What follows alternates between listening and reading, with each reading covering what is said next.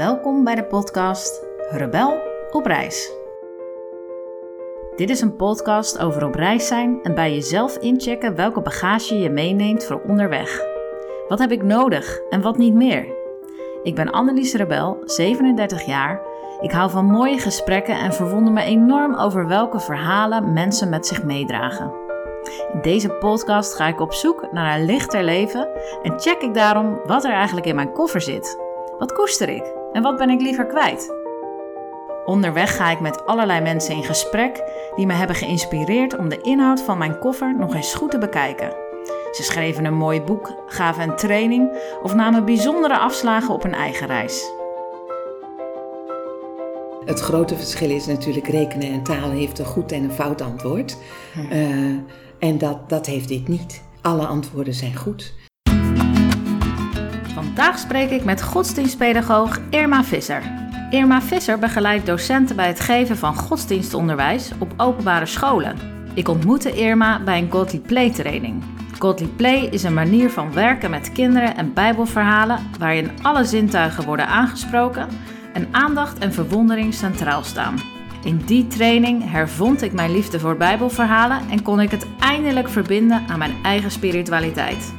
Alle reden dus om Irma te spreken over kinderen en spiritualiteit en hoe je die kunt voeden. En over hoe de Godly Play benadering vruchtbaar kan zijn voor zowel onderwijs als de kerk. Je hoort dat ik me regelmatig verwonder over hoe anders deze benadering is ten opzichte van waarmee ik ben opgegroeid. Nou Irma, welkom. Ja, dankjewel. Heel fijn om jou uh, aan tafel te hebben. En uh, ook deze aflevering beginnen we natuurlijk weer met het aansteken van een kaars. Ik uh, geef aan jou de aansteker. Mag jij deze aansteken? En dan steek ik die andere aan. En dan mag je meteen vertellen wat dat jou zegt. Eigenlijk een licht aansteken. Wat die aanwezigheid van dat licht jou, ja, jou zegt. Zo, dat is gelijk al een indringende vraag, uh, Annelies.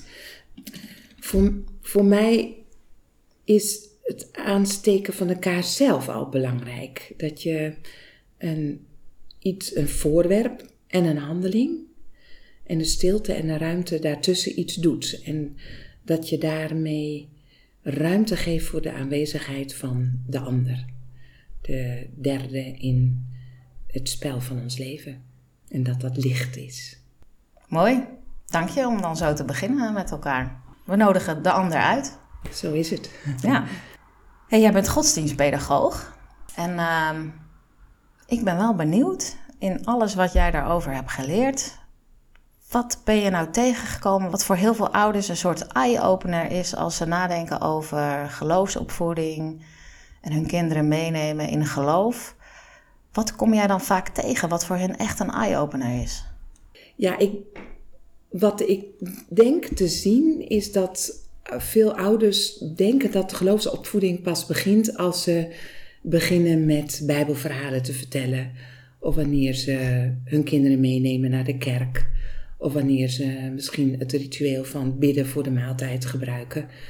En ik denk dat geloofsopvoeding eigenlijk al veel eerder begint en dat ouders zich vaak daar niet, uh, zich dat vaak niet realiseren. En dat, dat is daar waar je kind, jij je kind onvoorwaardelijk lief hebt. En waarin je een veilige omgeving aan je kind biedt. En uh, hem of haar voorleeft dat jij altijd beschikbaar bent uh, in alle liefde die je hebt. Uh, ook als er dingen fout gaan. En dat dat de basis is eigenlijk van geloven. En dat jij uh, op een bepaalde manier God kan voorleven um, als een beeld waar zij naar terug kunnen grijpen van hé, hey, misschien zou God dat kunnen zijn voor mij. Ja. Of misschien wil God dat zijn voor mij. Hoe denk je dat het komt dat wij vaak denken dat dat met Bijbelverhalen begint? En met mm. naar de kerk gaan en met bidden. En... Terwijl het eigenlijk ja, al veel eerder begint en een veel universeler iets is eigenlijk. Hè? Dat, dat basisvertrouwen waar je het over hebt. Ja, ja, ja. Nou, ik, ik denk dat minstens in de protestantse traditie uh, natuurlijk heel erg gefocust is op het woord. En -hmm. op uh, in, in die zin de, de, Bijbel en op het gesproken woord en het woord over de Bijbel. en over de Bijbelverhalen. En dat we ons vaak niet realiseren dat geloven zoveel meer en anders is dan uh, alleen dat. Dat ja, God ook aanwezig is in, in hoe je je ruimte vormgeeft, in, in beelden, in gebaren, in symbolen, in ja, sfeer. En het besef, het is wel leuk zoals jij zelf de inleiding geeft over je lichaam meenemen. Um, en dat het gaat om de hele mens en niet alleen om je hoofd. En ik denk dat, dat het daardoor komt dat wij een beetje afraken van het idee dat geloven meer is dan alleen het woord eh, spreken, het woord verstaan, met het woord bezig zijn. en heb jij dat, was dat voor jou al helemaal duidelijk toen je aan die godsdienstpedagogiek begon? Of is dat in jouw reis als godsdienstpedagoog steeds duidelijker geworden voor jou? Of, of is dit, gaat dit al 20, 30, 40 jaar met jou mee? Het gaat al wel een hele tijd met mij mee.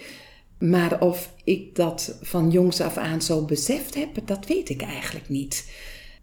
Misschien is dat wel wakker geworden, dat besef, uh-huh. toen ik een jaar of, uh, toen in, in mijn tienerjaren, uh, dat, dat ik op bezoek ging in, bij een andere kerk en in een kerstnacht geraakt werd door, uh, door de symboliek die, die, die er was, het licht wat er aangestoken werd, de kleuren in de ruimte, de gebaren van, van de priester misschien dat het toen een soort bewust van wakker gemaakt werd in mij. En dat, dat is natuurlijk daarna veel meer en groter geworden. En uh, heb, heb je meer oog voor gekregen. En is dat meer gaan groeien. En ook met het oog op kinderen en wat je met kinderen doet. En toen gaandeweg kwam op een gegeven moment Godly Play op jouw pad. Hmm. Kun je eens vertellen hoe dat is gegaan? Het is ooit naar Nederland gekomen en op welke manier was je erbij betrokken? Nou, dat is eigenlijk uh, zo begonnen. Ik, nou, je vertelde al even in de inleiding ook hè, dat ik met methodes bezig ben voor, uh, voor godsdienst uh, in de kerk en in de school. En daar waren we natuurlijk altijd zoekende naar van wat is de beste manier. En daar ook ja, ontdekte dat geloofsopvoeding meer is dan alleen woorden en verhalen. Maar bijvoorbeeld ook het creëren van een plek waar dingen staan die te maken hebben met geloof. Uh, zoals een viertafel bijvoorbeeld. Maar ook een plek creëren in de klas waar er gespeeld kan worden met ehm, dingen die te maken hebben met het verhaal van die week. waarin iets te ontdekken is, maar waar ook dingen in mee te spelen zijn en na te spelen. Um, en van daaruit, vanuit die zoektocht, kwamen we op een gegeven moment op een boekenbeurs waar uh, boeken lagen van Gottlieb Play. Uh, toen was dat helemaal nog niet in Nederland. En die hebben we aangeschaft en heb, heb, heb ik in gelezen. En dat raakte me direct. Ik denk, maar dit is een manier waarop het zo dicht bij kinderen komt en waarin je zo met je eigen wezen als kind, en, en dat kind hebben we allemaal in ons, kunt wonen in verhalen en leven binnen en in die verhalen en daarin leven met je eigen verhaal, dat ik dacht, ja, dit is het. En dat is, uh, ja, dat, dat heeft mij toen geraakt en uh, daar wilde ik wat mee. En daar hebben we in de methodes ook wel geprobeerd om daar iets van, van mee te pakken. Maar die volledige uh, manier van werken van Gottlieb Play kwam pas later in Nederland. Ik heb daar in mijn eigen kring in de kerk daar wel handen en voeten aan willen proberen te geven. Maar toen het echt in Nederland was, ja, was dat voor mij natuurlijk goud. en dat kwam doordat ik Jacqueline Lambrechtse tegenkwam binnen mijn eigen werk van GVO. En ik ontdekte dat zij daar dus al, al mee bezig was in Nederland. En zo ben ik daar weer ingerold. Ja. Ja. Wauw.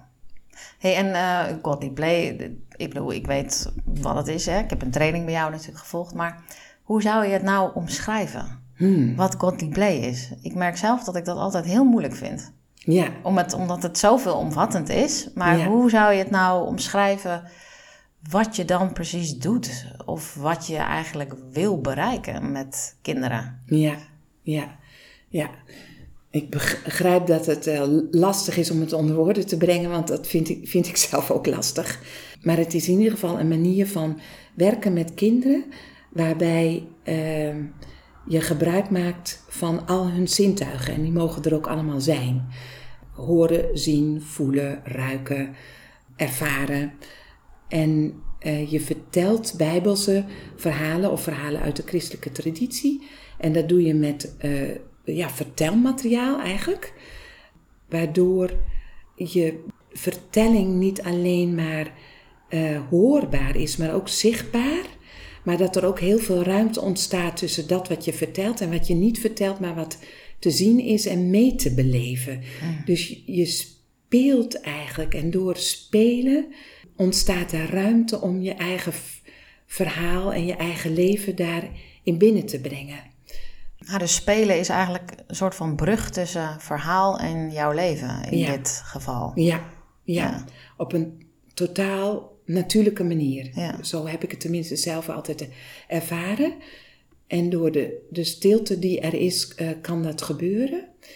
En door uh, ja, ook de sfeer die je neerzet, doordat er veel zorgvuldigheid is in de ruimte voor hoe die eruit ziet en dat, het, hè, dat er aandacht aan geschonken is, uh, voel je ook van hier is ruimte niet alleen voor gewoon spel, maar ook voor heilig spel.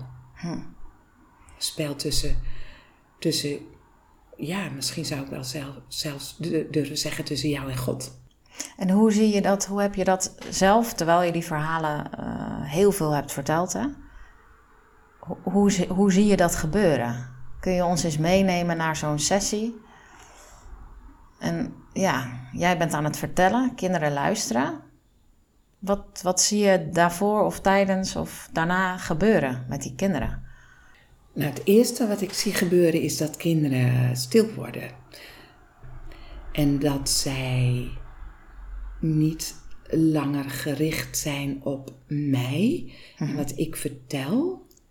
En dat dat, of dat het toe doet, of ik, of ik zie dat ze luisteren bijvoorbeeld. Ja, ik weet niet precies hoe ik dat moet zeggen. Maar dat ik zie dat zij naar binnen gaan en dat zij hun eigen spel beginnen te spelen door meegevoerd te worden in het verhaal. En dat er dus heel veel concentratie is uh, bij het kind zelf. En dat, uh, wat ook bij Gottlieb Play hoort, is dat je verwonderingsvragen stelt. En dat kinderen die verwonderingsvragen heel serieus nemen en, en naar binnen gaan om te zoeken naar: hé, hey, wat verwondert mij nu in dit verhaal? En waar gaat dit verhaal over mij? En wat vind ik mooi aan dit verhaal? Of wat zou misschien het belangrijkste kunnen zijn voor mij? Ook wat irriteert mij misschien in dit verhaal en wat zegt dat over, over mij of over dit verhaal voor mij op dit moment? En waar gaat dit verhaal over mij? Wie, ja. ja waar raakt het aan mijn eigen uh, leven? Dus dat, dat zie ik gebeuren, dat kinderen heel serieus daarmee op weg zijn. En soms zoeken eh, eh, naar woorden, maar soms ook geen woorden daarvoor hebben.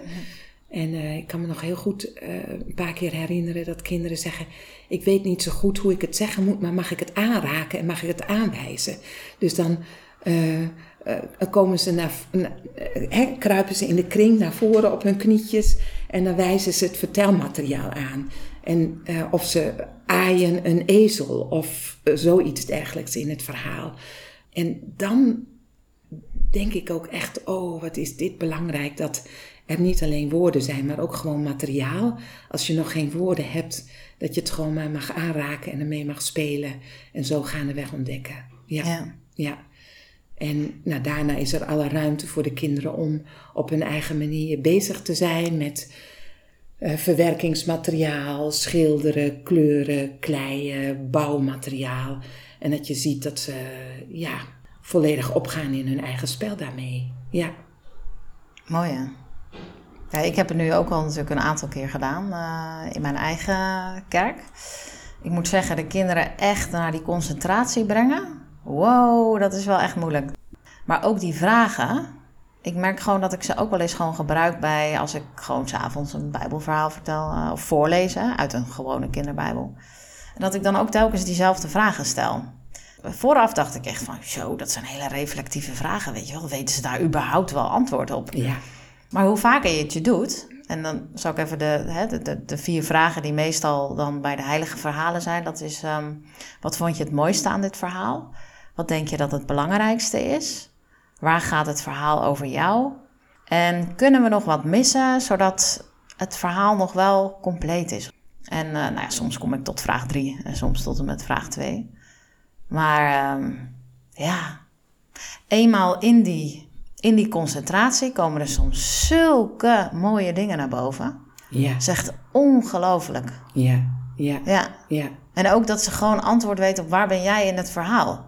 Dat, ja, er, er komt gewoon iets. Ja. En soms ook niet, hè, maar Ja, ja, ik, dus het is voor mij ook een, een manier om zelf weer te verwonderen. ja, ja, ja, ja. Dus het is niet alleen iets wat, de kinderen doen, maar je doet het ook zelf. Ja. Ja, en je, terwijl zij eh, ermee bezig zijn, ben jij er ook mee bezig. En je verwondert je samen ook weer over de antwoorden die op dat moment er komen. En die morgen weer anders kunnen zijn en gisteren misschien er ook weer anders uitzagen. En ik kan me inderdaad nog heel goed herinneren bij die derde vraag van waar gaat dit verhaal over jou? Dat ik toen dacht, wel ja, maar daar kunnen de kinderen toch helemaal geen antwoord op geven. Dit is zo'n moeilijke vraag. Maar dat het eigenlijk helemaal niet zo is. Wat je zo net even aanraakte over van kinderen in de concentratie brengen. Wat ik ook heel mooi vind van Godly Play is dat jij niet iets doet voor hen, Nee. maar dat jij het doet met hen. En dat het verhaal wat in het midden ligt ook net zo hard een verhaal is van voor jou, ook als verteller. En ik denk dat je samen die zoektocht op dat moment doet, dat dat ook zo'n grote kracht is. Dat eh, je allemaal daarin gelijkwaardig bent en dat je ook elke keer weer wat eh, nieuws ontdekt. En soms ook helemaal niet, hè? ook dat kan natuurlijk. Eh, Ja. Het opent zich ook niet altijd voor jou. Ehm, en ja, ik weet, ik weet het niet, maar ik denk ook dat kinderen dat voelen. Dat je, dat je samen rondom dat verhaal bent en dat jij niet eh, de juf bent met Ja. eh, zijn hele of haar hele bagage aan, eh, aan gereedschappen die je altijd hebt aangeleerd om de kinderen tot stil te, bre- te brengen of wat het dan ook maar is. Maar dat het een gemeenschappelijke schat is die daar in je midden ligt. Ja, misschien kan ik dat nog wel in mijn, mijn vertellen nog wel meer doen of zo, op die manier. Het is vaak dat je, hè, bij, bij Coldly Play, dat je, je leert eigenlijk een soort script uit je hoofd. Het is een vaststaand verhaal wat je uit je hoofd leert. Dus er gaat een hele intensieve voorbereiding aan vooraf. En dan, nou, misschien dat bij mij wat nog, nog iets meer het gevoel zit van... en dan moet ik het gaan doen of zo, weet je wel? Dan moet je Ja. iets... eh, Het is een soort van performance die je doet. Alleen, dat is het deels, maar ook weer niet. Het is deels die, die, die zoektocht samen die je doet. Ja. Ja. dat is volgens mij wel voor mij nog een hele belangrijke stap, ja. Ja. In dit, eh, in dit geheel. Ja, Maar ja, jij voelt zelf ook als je zo'n script leert, dat, eh, dat je er zelf heel intensief doorheen gaat. ja. Want anders kan je dat script niet leren. En dat er dan in die tijd heel veel met jezelf gebeurt. Dus dat neem je mee het verhaal in eigenlijk. Dat kan niet anders, denk ik. ja. En tegelijkertijd ook loslaten wat je, eh, waar jij in zit of zo. Dat vind ik zelf altijd een grote spanning van jezelf meebrengen, maar niet je eigen bagage meebrengen. Want dan zou je de ruimte kunnen blokkeren die de kinderen nodig hebben. Dat vind ik zelf altijd een hele spannende. Ik, ik merk gewoon dat bijvoorbeeld ook mijn eigen kinderen. Dan zeg ik eerst een Godly Play. Mama, ga jij dan vertellen? En eh, ze hebben er altijd zin in. Ja, Terwijl ik ook soms van een bijeenkomst heb gedacht... nou, dit was zo weinig concentratie. Volgens mij heeft het helemaal geen zin gehad.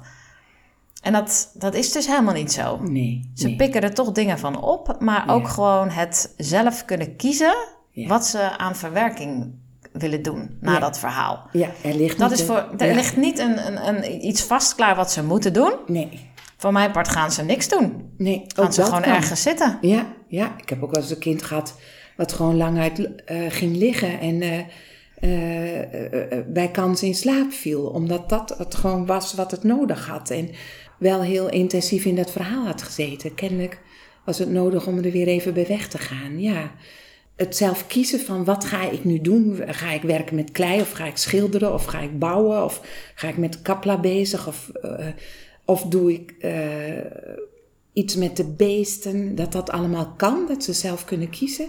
Vind ik zelf ook een hele uh, belangrijke en waardevolle. En kinderen weten vaak eerst niet wat hen overkomt, want dat is nooit wat ze op school meemaken, dat ze zelf mogen kiezen. Nee, dat staat altijd vast. En meestal ook in de kerk, hè, er ligt een werkje klaar of een puzzel of uh, je doet samen een spel.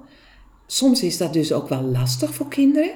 Van, hé, hey, uh, nu mag ik zelf wat doen, maar wat, wat wil ik dan eigenlijk? Dus daar heb je ze ook in te begeleiden.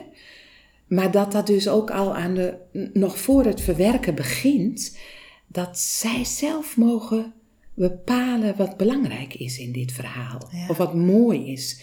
En dat ik niet al, of de verteller al besloten heeft wat het thema is bij dit verhaal. Dat is wat we eigenlijk bijna in alle uh, methodes doen. Dat wij al hebben bepaald voor hen. Uh, Ja, we gaan nu naar dit verhaal kijken door de bril van, ik noem maar wat, licht en duister. Ja. Ja. ja. M maar voor hen gaat het misschien over heel iets anders. Namelijk over... Uh, ja, over een papa die zomaar komt aanwaaien in een verhaal waarvan je denkt: oh, oké, okay. um, ik dacht dat die papa er niet in was. Ja. ja. ja. Ja, of mooi dat ik een keer een verhaal voorlas. Het was volgens mij het verhaal van de barmhartige Samaritanen dat mijn zoon zei: Mama, waarom heeft die ezel zoveel uh, op zijn rug? Heeft hij zoveel meegenomen? Dus was helemaal gefascineerd door die ezel die die, die, die barmhartige Samaritaan had meegenomen en, en, de, en, en de bagage die die ezel had. Ja. Terwijl ik had daar nooit naar gekeken, weet je wel. Nee. Bij mij gaat het om dat die man uh, helpt. Ja. Hè, die handeling, dat, ja. dat is wat er helemaal centraal staat. Maar ja. nee, hij was gewoon bezig met wat, wat hij allemaal mee had genomen met die ezel. Ja. ja. En hoe belangrijk kan dat zijn om na te denken over wat, wat je, je allemaal meeneemt, meeneemt. onderweg. hey, het thema van deze podcast.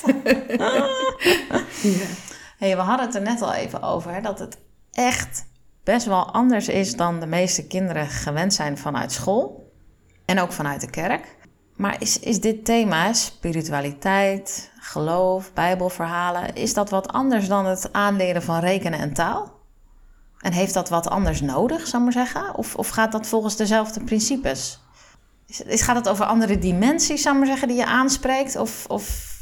Nou, dat denk ik wel. Uh, het grote verschil is natuurlijk rekenen en taal heeft een goed en een fout antwoord. Hm. Uh, en dat, dat heeft dit niet. Uh, alle antwoorden zijn goed. En, ja, ho, geen, maar dat is dus ook echt een. Ook. ja, maar dat is ook een heel. Ja, ander inzicht dan ook wel een beetje waarmee ik ben opgegroeid. Want er waren wel degelijk goede en oh ja. niet goede antwoorden. Oh ja, ja. Dat ja. is voor mij al heel veel ruimte. Ja, ja zeker. Ja, ja. ja, ja. ja. dat herken ik dus niet zo zelf, uh, zozeer uit mijn eigen leven. Dus dat, ja. de, ik heb die ballast niet. Uh, daar ben ik heel, een heel gelukkig mens mee. Ja, en, en, natuurlijk spiritualiteit is een hele andere dimensie in je bestaan en tegelijkertijd is die overal. Ja.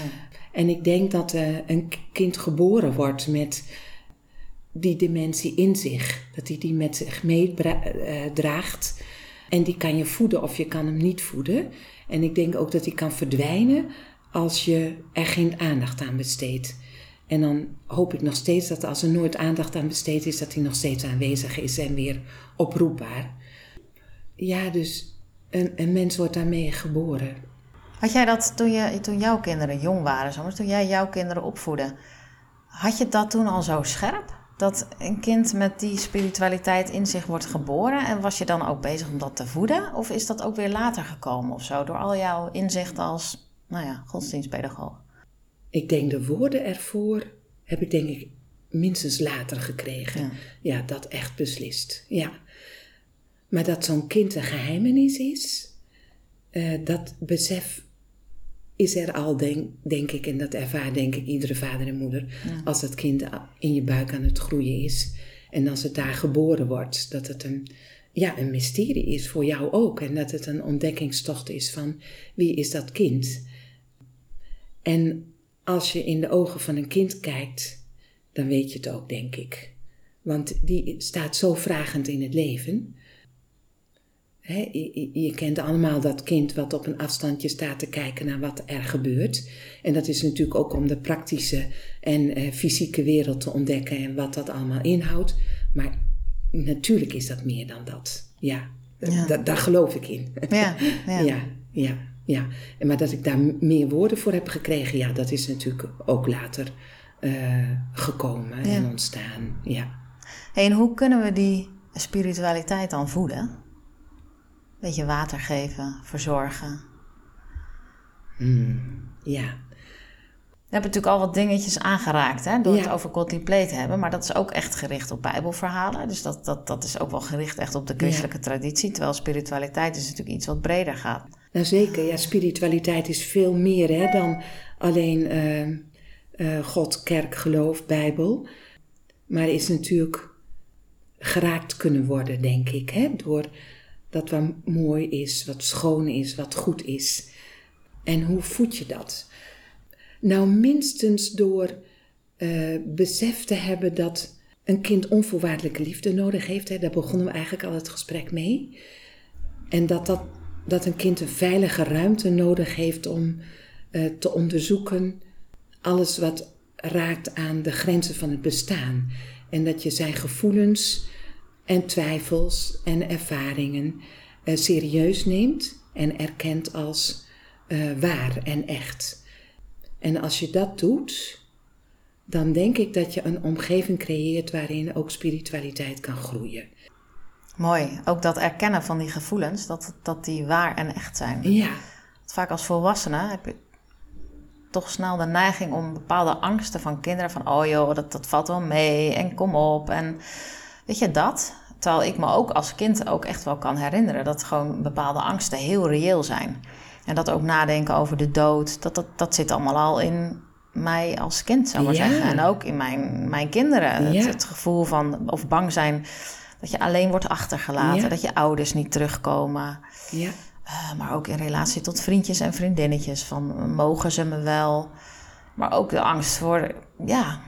Of, of na, nog ineens altijd de angst, maar ook vragen over de dood. Ja. Wanneer ga jij dan dood, mama? En ga ik ook dood? En ja. waar gaan we dan naartoe? En dat dat soort vragen heel, uh, ja, dat die, dat die er gewoon zijn. Ja, en daar ook serieus op te antwoorden. Hè? En ja. niet, uh, want dat zijn natuurlijk ook confronterende vragen. Uh, ook voor jou als vader of moeder. Van het kan inderdaad zijn dat jij er niet meer bent en je kind wel. En dat jij het achter moet laten. Hè? En het antwoorden van nee, dat, dat gebeurt niet. Is natuurlijk ook een, misschien wel een soort van stilhouden van je eigen angsten of je groot, het grote zwarte gat wat daar is. -huh. Ja, en tegelijkertijd wil je je kind een basisveiligheid meegeven daarover. Hè?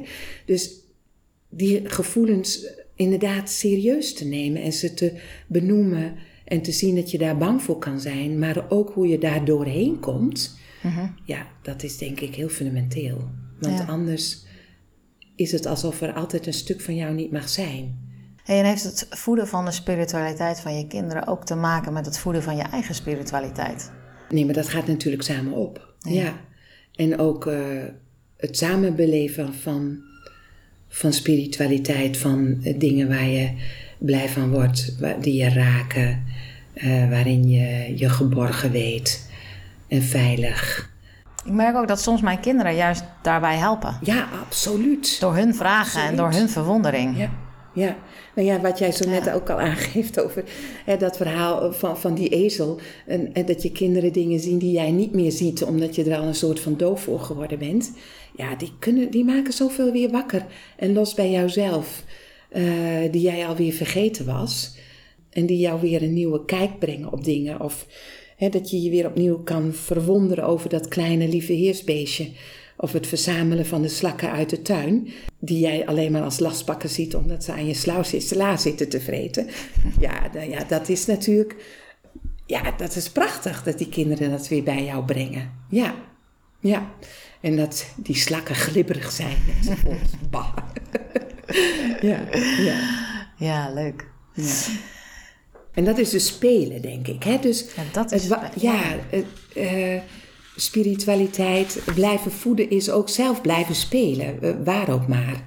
Ja, los van conventies, maar uh, volledig opgaan in spel, zonder dat het een doel heeft, dat het je plezier brengt, dat je niet weet welke kant dat spel uitgaat en dat het vrijwillig is dat je daaraan mee kan doen of niet en dat je een ander kan uitnodigen. Ja, maar uh, voor mij het... is het echt sinds Godly Play, denk ik, dat ik alles wat met um, ja, Bijbel en misschien ook God en de kerk te maken heeft, dat dat verbonden kan zijn aan spel. Nou, dat had ik tot, tot die tijd echt niet zo gezien of zo. Nee. Het, het, het was veel meer een soort van. Nou, ik denk dat het mm, ja, misschien statischer was. Dat er wel goede antwoorden waren. En dat er ook. Dat, je, dat het vrij is of je eraan meedoet of niet, bijvoorbeeld. Ja, dat. Nee, dat je dat het alle kanten op kan gaan, zou maar zeggen. Dat, nou, dat verbind ik echt totaal niet aan religie bijvoorbeeld. Nee, nee. Tot het hierin wel heel duidelijk is. Dus ja, je snapt dat mijn, dat mijn wereld gewoon weer een stukje open ging eigenlijk. Ja. Wat dat betreft. Ja. En hoe vruchtbaar het kan zijn om na te denken over waar je zelf als kind mee speelde. Hè? En over uh, wat voor vreugde uh, spelen jou bracht en wat je daarin te doen had. En vervolgens na te denken over en waar heb ik ooit een geloofservaring gehad of een ervaring van spiritualiteit. En dat die twee dingen elkaar kunnen raken in wat het je brengt. Ja, dat, dat kan een hele nieuwe ontdekking zijn. Ja. Ja. ja. ja want dat waren die twee vragen hè, die je net had. Die, die stellen jullie aan het begin van de training. Hè? Ja. Van waar speelde je vroeger mee en uh, wat was jouw spel vroeger? En heb je momenten meegemaakt die voor jou heilig waren? Ja. ja. En ik weet nog dat mijn moment van heiligheid, dat ik dat wel ervaarde in de kerk. Dus ik heb dat wel vroeger altijd al heel erg aan de kerk wel gekoppeld. Ja, ja. Ja, omdat ja. dat al een soort van ruimte was waarvan ik dacht, oh, hier gebeuren belangrijke dingen. Maar dat ik ook dacht van ja, ik wil hier dus zijn, want er gebeuren belangrijke dingen. Maar ik koppelde die belangrijke dingen altijd aan grote mensen en volwassenen. De volwassenen doen de belangrijke dingen. De kleine kinderen gaan naar de crash of de oppas. Oh, en daar ja. gebeuren geen belangrijke dingen. Want daar doe je gewoon een werkje. Dan ga je wel, ja, dan ga je dan um, een liedje zingen of zo. Maar voor mij was altijd het belangrijke, dat was de kerk. Ja. Ja. En bij de inrichting van zo'n, of de, de, hele opzet bij die, bij die, bij die Play methode, is ook echt dat je die ruimte, dat dat ook weer een soort heilige ruimte is hè, voor die ja, kinderen. Ja, ja, ja, precies. Dat je daar aandacht aan besteedt. Ja. Dat er ook elementen vanuit de kerk weer terugkomen in die ruimte. Ja, ja. Ook weer zo'n zo'n nieuw inzicht. Ja, en je hebt het dus zelf al ervaren als kind, hè, dat, dat, dat dat een soort van scheiding was voor jezelf. Ja. En misschien ook een verlangen maakte om bij die grote mensen te zijn waar het gebeurt. Of misschien het verlangen om groot te worden. Ja. Uh, en dan als volwassene niet het, niet het bewuste besef te hebben dat het dus zo belangrijk is dat diezelfde omgeving en sfeer en mogelijkheid gecreëerd wordt op de plek waar je met de kinderen bent. Ja. Ja, en dat dat dus een hele ontdekking is. Ja. ja dat daar ook heilig spel gebeurt. Ja, ja. juist. Ja. Zelfs. Ja. ja, maar dat je dat wel zelf moet inrichten, want, want anders is het er niet. Nee, oh ja, of ho hopelijk is het er ook, ook als jij het niet uh, creëert, maar uh, dat je daar de omstandigheden beter voor kan inrichten. Ja, ja. ja. Ik weet niet, kom jij, kom jij in, in veel kerken ook uh, met ja, vanuit Godly Play, zal maar zeggen? Ja, of, natuurlijk toch in behoorlijk wat kerken, ja. ja. Waar je, nou ja, dan wel uh, kennismaking met Godly Play doet. Of waar mensen een ruimte willen inrichten. Of waar je een training geeft, ja. En, en, wat, en wat merk je daar dan, wat, wat vooral ook op dit punt weer een eye-opener is? Ik heb zelf nu wat persoonlijke eye-openers genoemd, maar... Wat, wat, wat kom jij zo al tegen als je dan uh, ja, die, die kerken daar bezoekt? Nou ja, wat jij aangeeft, dat het dus zo belangrijk is dat die ruimte aandacht vraagt en zorgvuldigheid. Mm. En uh, dat, die, dat daar dat kinderen ook voelen dat zij er te doen in die ruimte. En dat het niet alleen maar iets is waar van alles en nog wat gebeurd is en zij zijn het soort ondergeschoven kindje. En oké, okay, dan maken we wat ruimte en dat daar nog allemaal troep ligt van weet ik veel wat allemaal daar gebeurd is door de week. Maar dat die ruimte er, er is voor hen. En dat daar ruimte is voor het spel van hen met God en de ontmoeting van hen met God. Dat dat daartoe doet, maar dat zij er ook toe doen Ja. om het eh, waardevol in te richten. Ik denk dat ik dat ook echt in die training heb ervaren of zo.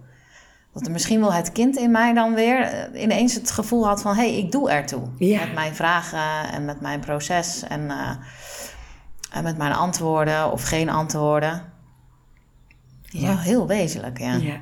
Hey, en, wat, en wat kom jij zelf tegen als je die kerk of misschien ook die, die scholen bezoekt? Hè? En, eh, denk je dan van, wow, hier moet nog veel gebeuren? Schrik je dan wel eens of zo? Of eh, denk je van, oh man, wat- ja, weet je, dat kun je natuurlijk ook hebben.